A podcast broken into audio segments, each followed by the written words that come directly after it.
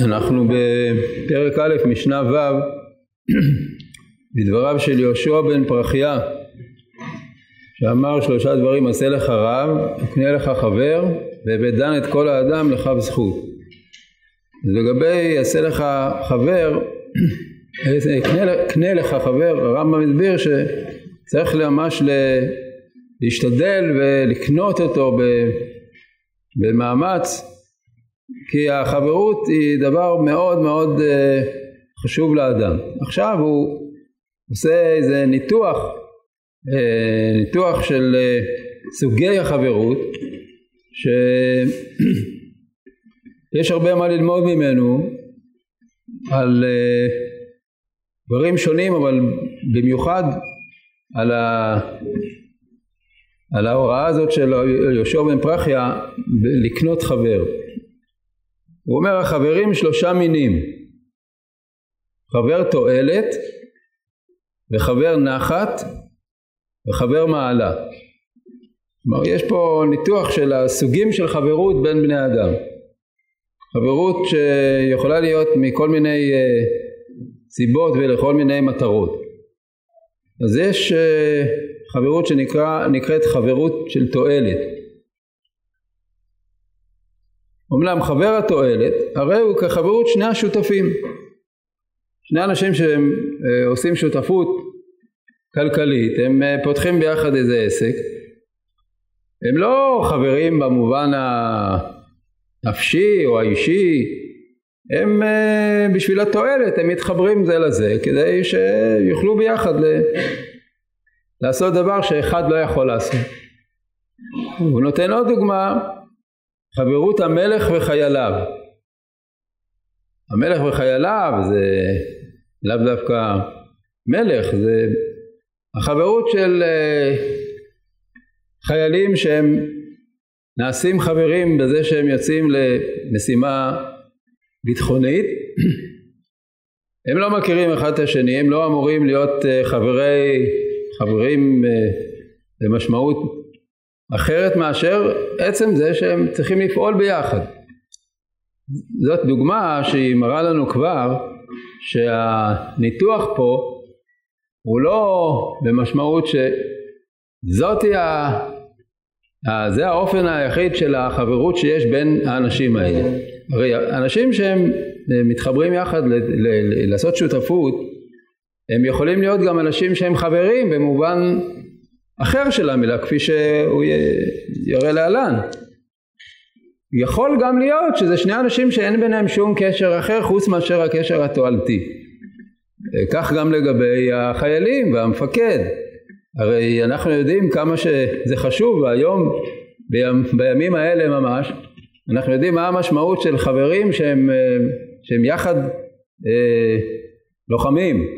אם זה מפקד וחיילים אם זה החיילים בינם לבין עצמם, נוצרת חברות נפש, זה לא סתם חברות תועלת.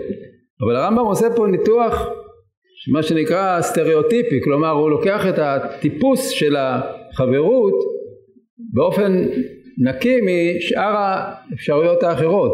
כלומר יש מצב שבו אנשים מתחברים בשביל תועלת מסוימת, אז יכולים להיות חיילים ומפקד שהם לא מכירים אחד את השני, לא, לא אוהבים אחד את השני, לא שייכים אחד לשני בשום משמעות, אלא רק בשביל להצליח במשימה. אז זה סוג אחד של חברות, חברות של תועלת. הסוג השני הוא חבר נחת. חבר נחת מתחלק לשני חלקים, אמנם חבר הנחת הרי הוא שני מינים. חבר הנאה הנאה באלף וחבר ביטחון. מה פירוש חבר הנאה? אם שני אנשים מתחברים בשביל איזושהי הנאה משותפת, יש להם הנאה מזה שהם מתחברים. דוגמה הכי מפורסמת של חבר הנאה, הרי הוא כחברות הזכרים, הזכרים לנקבות. איש ואישה שמתחברים, הם, אה, יש להם מזה הנאה, אה, הנאה שהיא נובעת מעצם השוני המיני שביניהם ויכולות להיות דוגמאות אחרות אנשים שמשחקים ביחד אה, משחק ספורט. הם אה, מתחברים בשביל ההנאה מתחברים בשביל השותפות במשחק. שותפות בדבר הזה שהוא גורם לשניהם הנאה, זה לא בדיוק תועלת, זה יותר בשביל ההנאה. טוב, אז גם פה כמובן שהרים ונקבות הם לא חייבים להיות כאלה שהם מחוברים, שמתחברים רק לשם הנאה, יכול להיות דברים אחרים נוספים. מיד נראה את, ה, את ההמשך ונבין את, ה, את העובדה שהרמב"ם פה מחלק חילוק שהוא אה, מגדיר את, ה, את הסוגים של ההנאה באופן מבודד, הוא מבודד אותם. אבל כפי שאמרנו ועוד נגיד, זה לא אומר שבאמת במציאות יש אה, רק חברויות בודדות כאלה, מבודדות, אלא אדרבה, יש הרבה פעמים שהחברות היא כוללת כמה, כמה גורמים ביחד. אה, אז אם כן, חברות הנחת היא מחולקת לשני חלקים, חברות של הנאה וחברות של ביטחון. מה זה חבר, חבר ביטחון? אמנם חבר ביטחון, הרי הוא שיהיה לאדם חבר שתבטח נפשו בו. לא יישמר ממנו לא במעשה ולא בדיבור ויגלה לו כל ענייניו הנאמה והמגונה מבלי חשש ממנו שישיגהו בכל זה חסרון לא אצלו ולא אצל זולתו. כי אם יגיע לנפש ביטחון באיש לזה השיעור ימצא רוב נחת בשיחתו ובחברותו. זאת בעצם אה, חברות שהיא מאוד אה, מוכרת לנו, מאוד אה, נפוצה, חברות שיש לך חבר שאתה אתה אוהב לדבר איתו ולשוחח איתו ולשתף אותו בחוויותיך ואתה בטוח בו שהוא לא, לא יגרום לשום, לשום פגיעה בך או נזק בך, אדרבה, אתם, אתם תקבלו נחת נפשית אחד מהשני, משהו של אינטימיות נפשית זה בעצם חברות אה, מאוד נפוצה, מאוד אה, חשובה לאדם, שיש לו חבר שהוא חבר טוב שלו, הוא יכול לדבר איתו על כל דבר וכדומה. אז זה הסוג השני של חברות הנחת.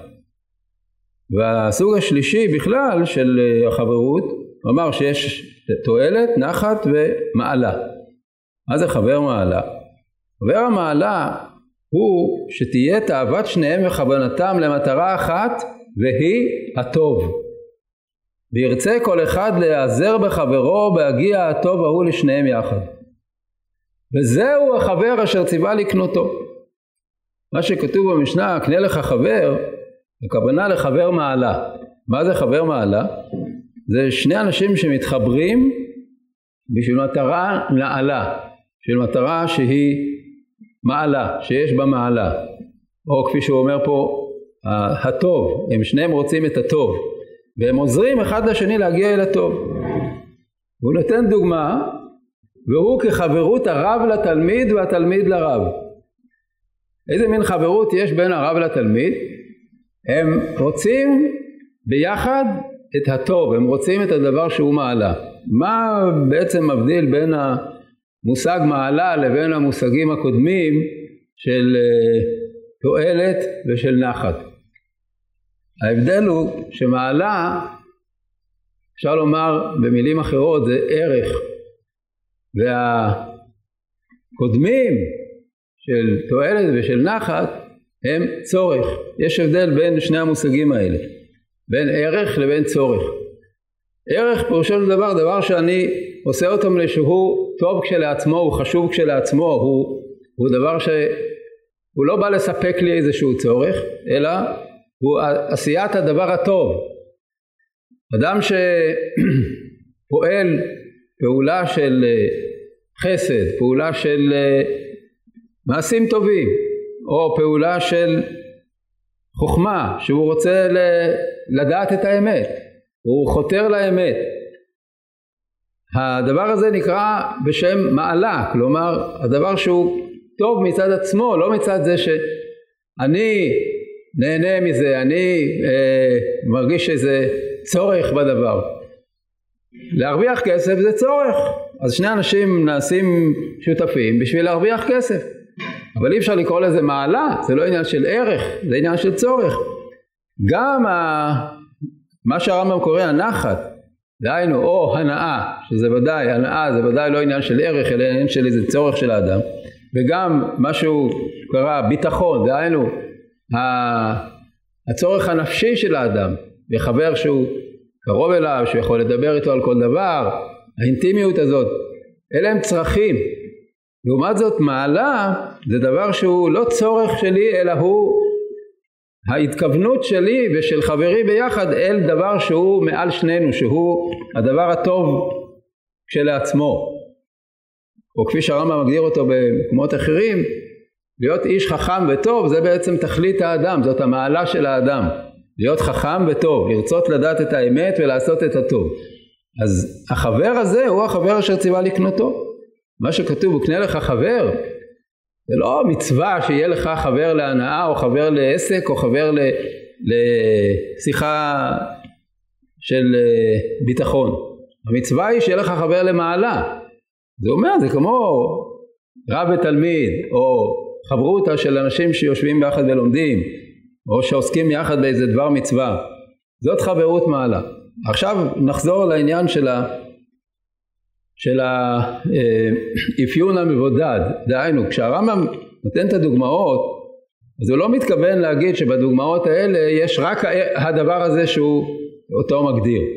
כמו שאמרנו, שני האנשים שעושים ביחד שותפות, הם יכולים להיות גם חברים טובים בלב הנפש, דהיינו במובן של ביטחון. איש ואישה שמתחברים, זה כמובן הדבר הכי רצוי, שה... ההתחברות שלהם תהיה לא רק התחברות של הנאה, שיהיה להם גם אינטימיות נפשית וביטחון, ויהיה להם גם תועלת אחד מהשני, הם ינהלו ביחד משק בית, ותהיה להם גם מעלה, שהם יהיו חברים, חברי מעלה, שיהיה להם תוכן של מעלה משותף. אז ברור שכל אחת מהדוגמאות שהוא נותן זה רק להדגים את, ה, את, ה, האפיון המיוחד הזה שהוא מדבר עליו, מה זה חברות של נחת, מה זה חברות של ביטחון, מה זה חברות של, אה, של, של תועלת, אז הוא נותן דוגמאות, אבל הדוגמאות הן לא כאלה שבאמת במקרים שהוא מצביע עליהם קיים רק הדבר הזה. זה, זה, הוא מבודד את התכונה הזאת בשביל להבהיר את, ה, את ההבדלים האלה, את הסוגים האלה. אבל בסופו של דבר, מה שקורה בפועל הרבה פעמים זה כמו שאמרנו שבדוגמה אחת יש אה, קיבוץ של כמה תכונות. דוגמה באמת שהיא מאוד אה, אקטואלית זה העניין הזה של המלך וחייליו, דהיינו הצבא. בצבא זה לא רק אה, התחברות לתועלת, זה התחברות שהיא יוצרת חברות נפש, היא יוצרת חברות כזאת שאנשים אוהבים זה את זה, אוהבים את, ה, את השהות שלהם ביחד, את, ה, את היכולת שלהם לדבר אחד עם השני, חוץ מאשר הנושא של התועלת. וכך אמרנו לגבי איש ואשתו וגם מה שהוא אומר על התלמיד ורב או על שני חברים שיושבים ולומדים זה לא אומר שהדבר היחיד שיש ביניהם זה רק הלימוד הם, הם רק אה, מכוונים לדבר אחד בקשר ביניהם רק לדעת את, ה, את הסוגיה יותר נכון. הם כמובן רצוי שיהיו גם חברים. חברותא שלומדת ביחד רצוי שיהיו גם חברים במובן הנפשי. נוצר ביניהם קשר נוצרת ביניהם ידידות יוצרת ביניהם אינטימיות זה דבר שהוא אה, בוודאי רצוי. אבל מה שהרמב"ם אומר שהעיקר ההדגשה של התנא קנה לך חבר אז הוא לא מדבר על איזה תקנה לך חבר לעסק או, או לאיזה תועלת אחרת או להנאה או שתשחק איתו כדורסל. זה לא מה שהתנא רוצה הוא רוצה שתקנה לך חבר מעלה. חבר שהוא שעיקר העניין המשותף ביניכם יהיה להיעזר אחד בחברו להגיע בהגיע הטוב ההוא לשניהם זה החבר שציווה לקנותו אבל כמובן שיכולה להיות ביחד עם החברות הזאת גם ה... יכולים להיות גם הערכים האחרים, הצרכים האחרים של, של חברות שהרמב"ם מדגיש אותם פה. זה אה, ניתוח מאוד מעניין שהרמב"ם מוצא לנכון ל, ללמד אותנו בהקשר הזה של קנה לך חבר. והשלב האחרון במשנה, הבאת דן את כל האדם, האדם לכף זכות, זה עוד נושא בפני עצמו, שהוא לא נוגע רק לחברים, הוא נוגע לכל אדם, והוא שאם יהיה אדם שאינו ידוע לך, אתה לא מכיר אותו, אתה לא חבר שלו. לא תדע אם הוא צדיק או רשע. ותראה הוא עושה מעשה או אומר דבר, שאם יפורש באופן מה, הרי הוא טוב, ואם תפרשהו באופן אחר, הרי הוא רע. פרשהו כטוב, ואל תחשוב בו רע. זאת uh, דרישה מוסרית מאוד חשובה ובסיסית שלדון לכף זכות כאשר אתה לא יכול לדעת מה הכוונה של האדם במה שהוא עשה או במה שהוא אמר יש אפשרות לשפוט את זה לטוב ויש אפשרות לשפוט את זה לרע תמיד תשפוט לטוב. תמיד תדון לכף זכות זה בכל אדם שאתה לא יודע מי הוא ומהו אבל אם יהיה איש ידוע שהוא צדיק הוא מפורסם במעשה הטוב ונראה לו מעשה שכל תכונותיו יורו על היותו מעשה רע ואין להכריע בו שהוא מעשה טוב אלא בדוחק ובאפשרות רחוקה צריך לפרש אותו כטוב הואיל ויש אפשרות לפרש אותו כטוב ואין מותר לחושדו כלומר אם מדובר באדם שהוא ידוע לך כצדיק אז שם ללמד זכות, לדון לכף זכות, זו דרישה הרבה יותר חמורה. דהיינו, שאפילו שנראה לך שרוב הסיכויים שבאמת אה, היה פה משהו לא בסדר, אם עדיין יש אפשרות כלשהי לדון אותו לכף זכות, אז תדון אותו לכף זכות. אם מדובר באדם שהוא, שיש לו חזקת צדקות, אם זה אדם סתם, אז כשזה שקול, עכשיו אני לא יודע, אני דן לכף זכות. אבל אם uh, רוב הצדדים מראים שזה באמת היה דבר גרוע, אתה לא חייב לדון אותו לכף זכות, זה, ההיגיון אומר שזה, שזה הוא עשה דבר רע, אבל אם מדובר בצדיק, אז על אחת כמה וכמה, צריך גם אפילו במקרה שרוב הצדדים הם ל, לרע, יש רק אפשרות רחוקה לפרש לטוב, על זה גם כן נאמר לדון לכף זכות, כיוון שיש לו חזקה של צדקות, ואין מותר לחושדו. ועל זה אמרו כל החושד כשרים לוקה בגופו. זה דבר שהוא חמור אם חושדים באדם שהוא מוחזק כצדיק, אם יש רק אפשרות לפרש את זה לטוב. אם אין אפשרות אז אין אפשרות, אז כמובן שצריך להבין את הדברים כמות שהם, לא, לא לרמות את עצמנו, אבל כאשר יש עדיין אפשרות לשקול כך או כך, אז אם מדובר בצדיק צריך ללכת עד כמה שאפשר לכיוון של לדון לקו זכות.